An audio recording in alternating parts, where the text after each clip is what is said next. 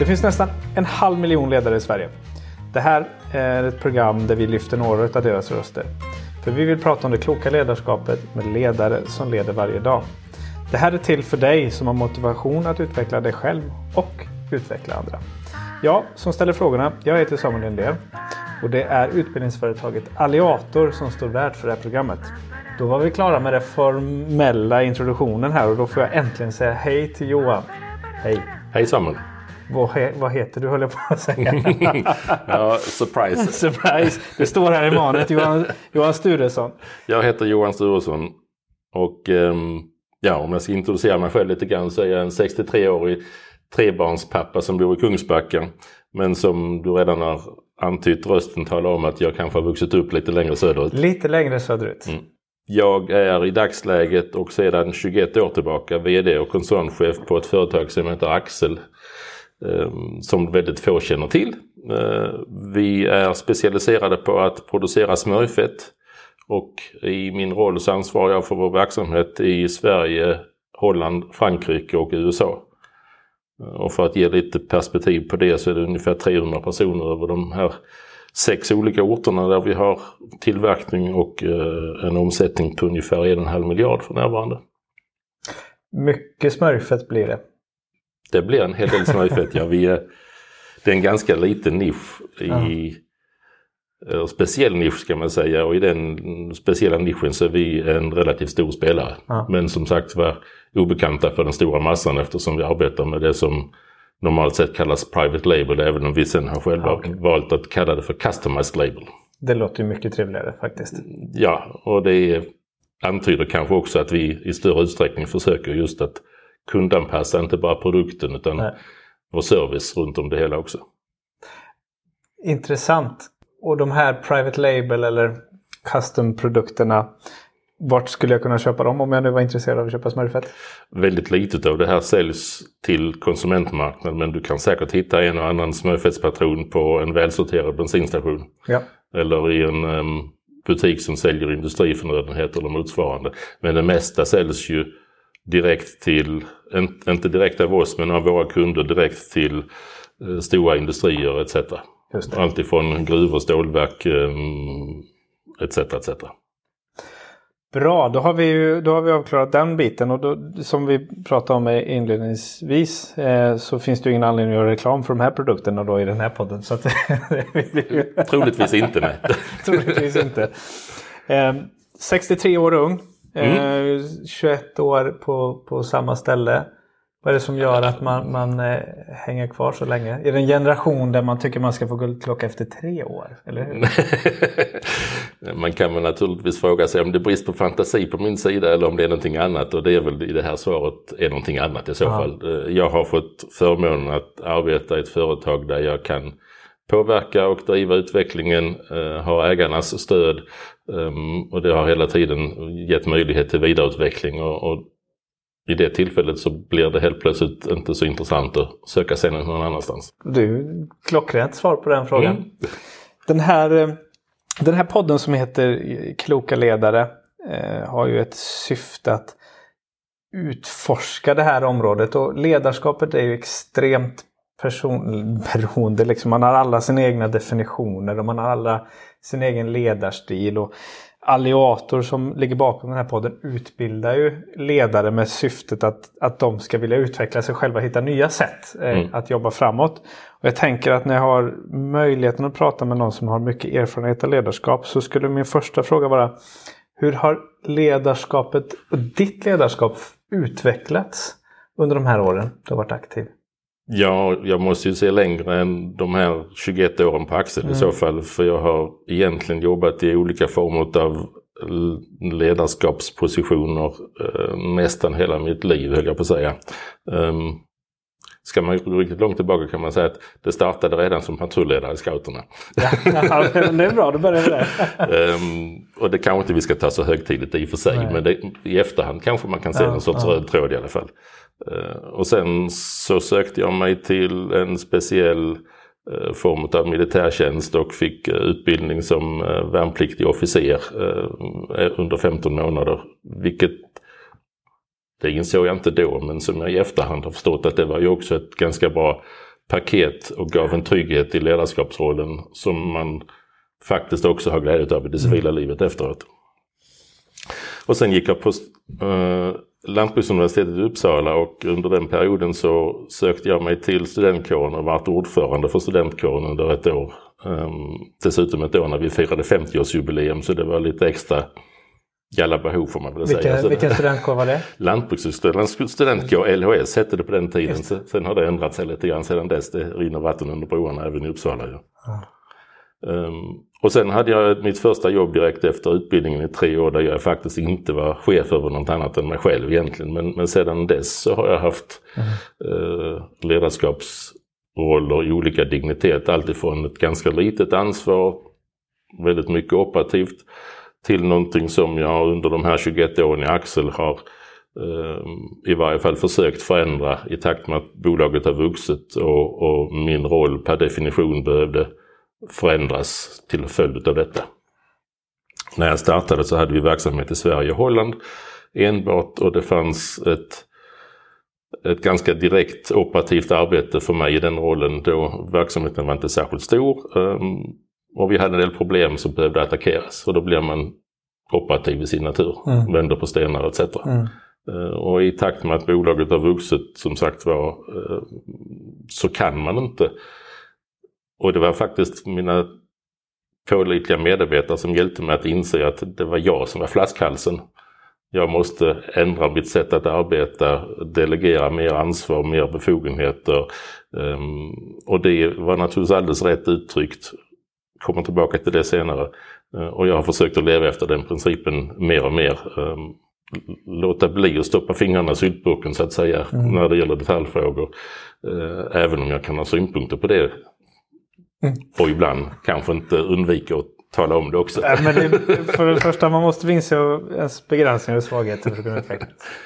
Ehm, men så är det klart att, att ska man ta det där ett steg vidare så måste man konstatera att bara för att man då tar ett steg tillbaka och inte är involverad så kan man ju inte avsäga sig ansvaret utan Nej. man ska fortfarande ha någon form av system för att kunna följa upp och ha kontrollen och så vidare.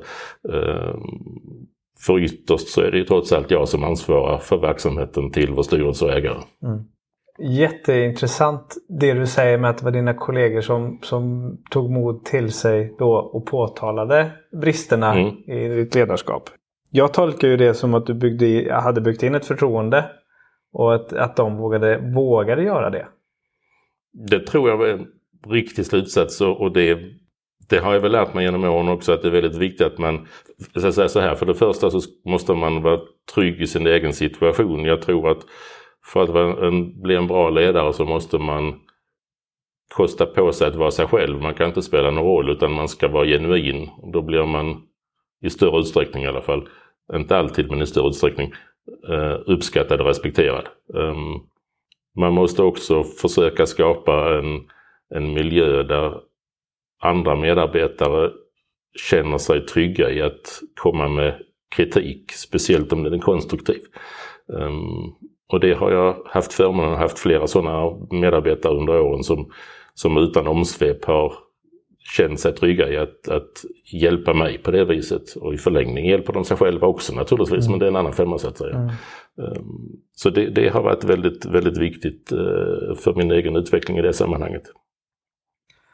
Vad är den största skillnaden eh, att introducera en 19-åring idag jämfört med när du började din karriär som chef?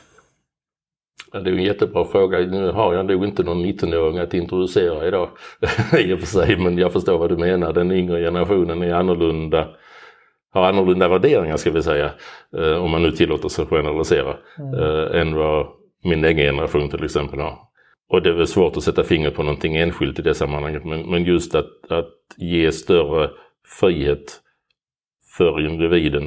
Eh, och det hänger väl ihop då med att man också måste påverka sin ledarstil för att kunna styra med, med mål och medel utan att för den skull styra på själva uppgiften i detalj så att säga. När, du, när den här 19-åringen, den fiktiva generationen då, när de är inte i närheten och du sitter med dina generationspolare och pratar om den här generationen. Vad säger ni då? Det kanske vi borde prata mer om för jag kan inte dra mig till minnes att jag har något speciellt erbjuda där. för, för det finns ju såklart väldigt mycket fördomar åt båda håll kring hur generationerna fungerar. Mm, mm. Eh, mång, alltså det är klart att det finns ju till viss del en sanning också men det finns ju mycket där som hindrar oss till att se nykter på situationen eller på möjligheterna. Det har du säkert rätt i och som jag antydde tidigare. Risken är också att man generaliserar mm. för mycket och inom respektive generation om vi nu uttrycker det så. Så finns det också en enorm spännvidd. Ja. Och det är klart att man ska försöka anpassa arbetsplatsen i en rimlig utsträckning för att det ska både vara attraktivt att starta och stanna kvar. Mm. Men det finns också gränser för hur långt man kan göra det och det finns någonstans ett gammalt uttryck jag lärde mig när jag jobbade i Köpenhamn för många år sedan att man tycker man inte om lukten i bageriet så ska man finna sig ett annat konditori så att säga. Uh, underförstått, det finns en gräns hur mycket man kan anpassa arbetsplatsen också. Det är inte alltid som det fungerar för alla att jobba där. Vilket oftast är det bästa för båda parterna om man ja. kommer till den insikten i så fall. Ja, men då ska man ta sig till den insikten. Det är inte nödvändigtvis en rak väg heller. Nej, det kan det också vara. men, men jag, jag, håller med dig vad du säger och jag tror att det finns en... Eh, jag har upplevt det i alla fall med många människor man pratar med. Det finns en ängslighet nu också kring hur man ska hantera nästa generation. För man har klätt på dem så mycket mm. förutfattade meningar. Vilket gör så här, men hur ska de triva hos oss? Och så glömmer man bort det som alltid har funkat som folk alltid uppskattar. En positiv och bra arbetsplats. Mm. Gör ju faktiskt mm. jättemycket mm. För, mm. för arbetsuppgifterna och allt sånt där. Eh, vad är ett bra ledarskap enligt dig då?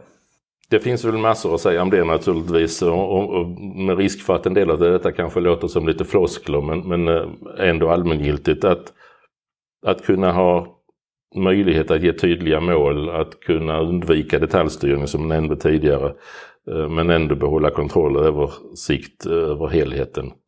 Och i det ligger sen då att ge vad som brukar sammanfattas frihet under ansvar. Um, utöver det så från min personliga horisont så, så förväntar jag mig att jag ska ha medarbetare som är proaktiva, som tar egna initiativ. Um, som inte är rädda för att komma med idéer inte därmed sagt att alla idéer är genomförbara eller kan vinna gehör men, men mm. man ska känna att man är välkommen med de här synpunkterna i alla fall. Och sen apropå vad vi nyss pratade om att få feedback från medarbetare så måste det kunna vila på någon form av öppenhet, ärlighet som fungerar åt båda hållen. Ehm, jag ska kunna ge en ärlig återkoppling till medarbetare lika väl som de ska kunna förklara för mig hur de upplever situationen. Mm. Uh, inte sopa problem under mattan är en annan viktig aspekt. Att, att, att vara transparent. Finns det ett problem så låt oss lyfta fram problemet och diskutera det snarare än att vi snubblar över mattkanterna och det vuxit sig för högt så att säga. Och sen, ja vad ska jag mer säga? Det är väl väldigt viktigt också att man som ledare inser att oavsett hur mycket jag än jobbar så är det så att avdelningen, företaget eller vad jag nu är ledare för. Dess resultat beror i mindre utsträckning på min egen insats och mer på vad mina medarbetare gemensamt producerar. Mm. Inte därmed sagt att jag ska sitta och rulla tummarna. Nej. Men jag måste inse att jag ska hjälpa andra, ge dem rätt förutsättningar för att kunna lösa sina arbetsuppgifter, strukturera avdelningen, strukturera arbetsuppgifter etc. Eh, och skapa helt enkelt förutsättningarna för dem att kunna vara produktiva mm. och stödja dem längs vägen. Sen finns det naturligtvis massor med eh, modern managementlitteratur och annat som man kan ta del av. Jag är ändå lite grann på något sätt anhängare, och kallar mig gammeldags i så fall, att, att um, se till att get the basics right. Mm. Konstra inte till det för mycket. Um, vad, är det, vad, är, vad är the basics då? Nej men det är väl det här som jag sa tidigare att, att, att kunna ge en tydlig struktur, mm. att kunna ge klarhet i vad man får och inte får göra i sina ansvarsfulla roller längre ner i organisationen. Mm. Um, inte lägga sig i allt för mycket hur man löser uppgiften utan mer fokusera på vad är uppgiften. Mm. Hur, eh, hur jobbar du med att utveckla ledarskapet i, i din organisation? Vi pratat lite grann om, eh, om ditt ledarskap men mycket i ditt jobb handlar ju om att de här 300 individerna ska ha ett bra ledarskap representerat överallt. Liksom. Mm. Och, det, och det är naturligtvis en utmaning och i det så ligger dessutom den dimensionen att vi finns då i fyra mm. olika länder med olika kulturer etc. Så det är inte så att ett och samma ledarskap fungerar överallt. Nej. Utan i det, i det här tillfället så är jag övertygad om att för att vi som organisation i sin helhet ska kunna fungera väl så måste vi ha väldigt duktiga chefer i de lokala miljöerna. Och jag måste stötta dem, men sen måste de få möjlighet och få utrymmet att kunna driva verksamheten i sin miljö efter sina kulturella förväntningar och så vidare. Eh, vi kanske upplever att vi är väldigt snarlika västeuropeer eller Europas USA och så vidare. Det är samma kultur, men nej det är det absolut inte. vad, har du, vad har du lärt dig på vägen? Oh, det finns nog mycket men vi hade väl en tidsbegränsning på det här inslaget. nej men skämt, skämt åsido, alltså det, det, mm, i Sverige så är vi extremt platta i vår organisationsstruktur eh, och det finns små inslag, ibland väldigt små inslag utav hierarki så att säga. Ehm, det är inte så överallt i världen. Nej. Även om vi kanske upplever att det är hyfsat demokratiskt och så vidare så är ändå den förväntade beteendet från chefer och medarbetare någonting annat. Mm. Och då innebär det att då måste jag också försöka ställa om mitt beteende när jag kommer till en annan miljö för att jag ska bli förstådd på rätt sätt i den miljön. Har det hänt att du har åkt på ett möte någonstans ny marknad? Det känns supertoppen och så åker du därifrån och sen så hände ingenting av det du sa och ni pratade om? Ja, både med kunder och med, höll jag på att säga, den egna organisationen i, i varje fall inledningsvis um, i, i, mitt jobb så att säga. Um, man kan sitta på ett möte och göra, göra upp planer, komma överens om åtgärder och så vidare. Och så sätter man sig på flyget och åker hem. Och så kommer man tillbaka ett antal veckor senare och ingenting har hänt. Visst, visst kan det vara så. Mm. Eller har varit i alla fall mm. historiskt så. Um... Hur, hur, gör du för att ta reda på vad som funkar i den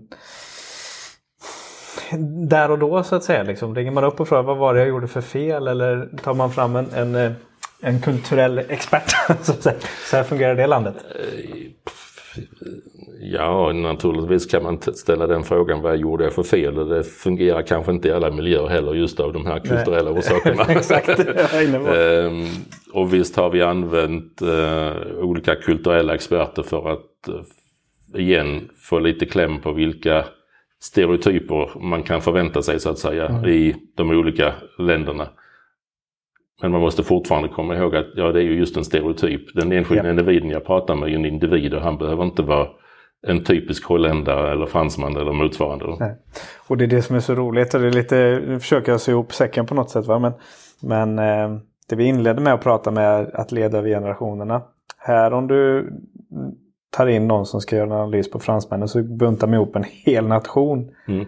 Eh, 60 miljoner invånare eller hur många de är där va? Mm. Och så försöker man göra det till någonting och här pratar vi om nyanser mellan generationerna och framförallt mm. i generationerna. Mm. Vilket är mm. extremt svårt om man inte om man inte lyckas förankra det ledarskapet och det, eller de, egentligen så blir det egentligen de målen som din organisation har, få in det i det lokala ledarskapet så att det kan fungera. Mm. Det blir ju egentligen hela, hela nyckeln. Visst är det så. Um, och sen måste man då ha klart för sig om man nu pratar om stereotyper så har de en normal, normalfördelningskurva kring mm. sig. Vilket innebär att du kan mycket väl träffa på en en holländare som är fransman än fransmannen är som mm. och så vidare. Eller du kan prata om generationer. Du kan ha en, en 19-åring som är mera 50-åring i sitt beteende och du kan ha en pension, pensionär som är tonåring i sitt mm. beteende. Mm. För att nu ta extremer ja, så att säga. Um, ur, ur, ditt perspektiv, vart har du upplevt de största kulturella skillnaderna då? Mellan det svenska välfungerande ledarskapet och det som absolut inte har funkat någon annanstans? Jag tror att om vi ska titta på de europeiska enheterna så är det väl lite mindre distans i det avseendet så att säga, mellan, och även geografiskt då, mellan Sverige och Holland än Sverige och Frankrike för att nu ta det exemplet mm. eh, som, som är aktuellt i, i vårt företag. Um, och sen är det förvisso ett långt skutt över Atlanten till USA och USA är dessutom ett stort land ja. som det finns många många delar där i så att säga. Eh, och, och där finns det andra beteendemönster i sin tur. Mm. Så en dum fråga på ett dumt det, är jätte, det, går, det är svårt. Det, det går inte att svara entydigt. Nej, nej, nej, Det var inte meningen nej. heller. Uh, om du fick, uh, fick dela med dig dina bästa ledarskapstips då? Vad skulle du säga då? Inse att ledare och chef är inte samma sak till att börja med.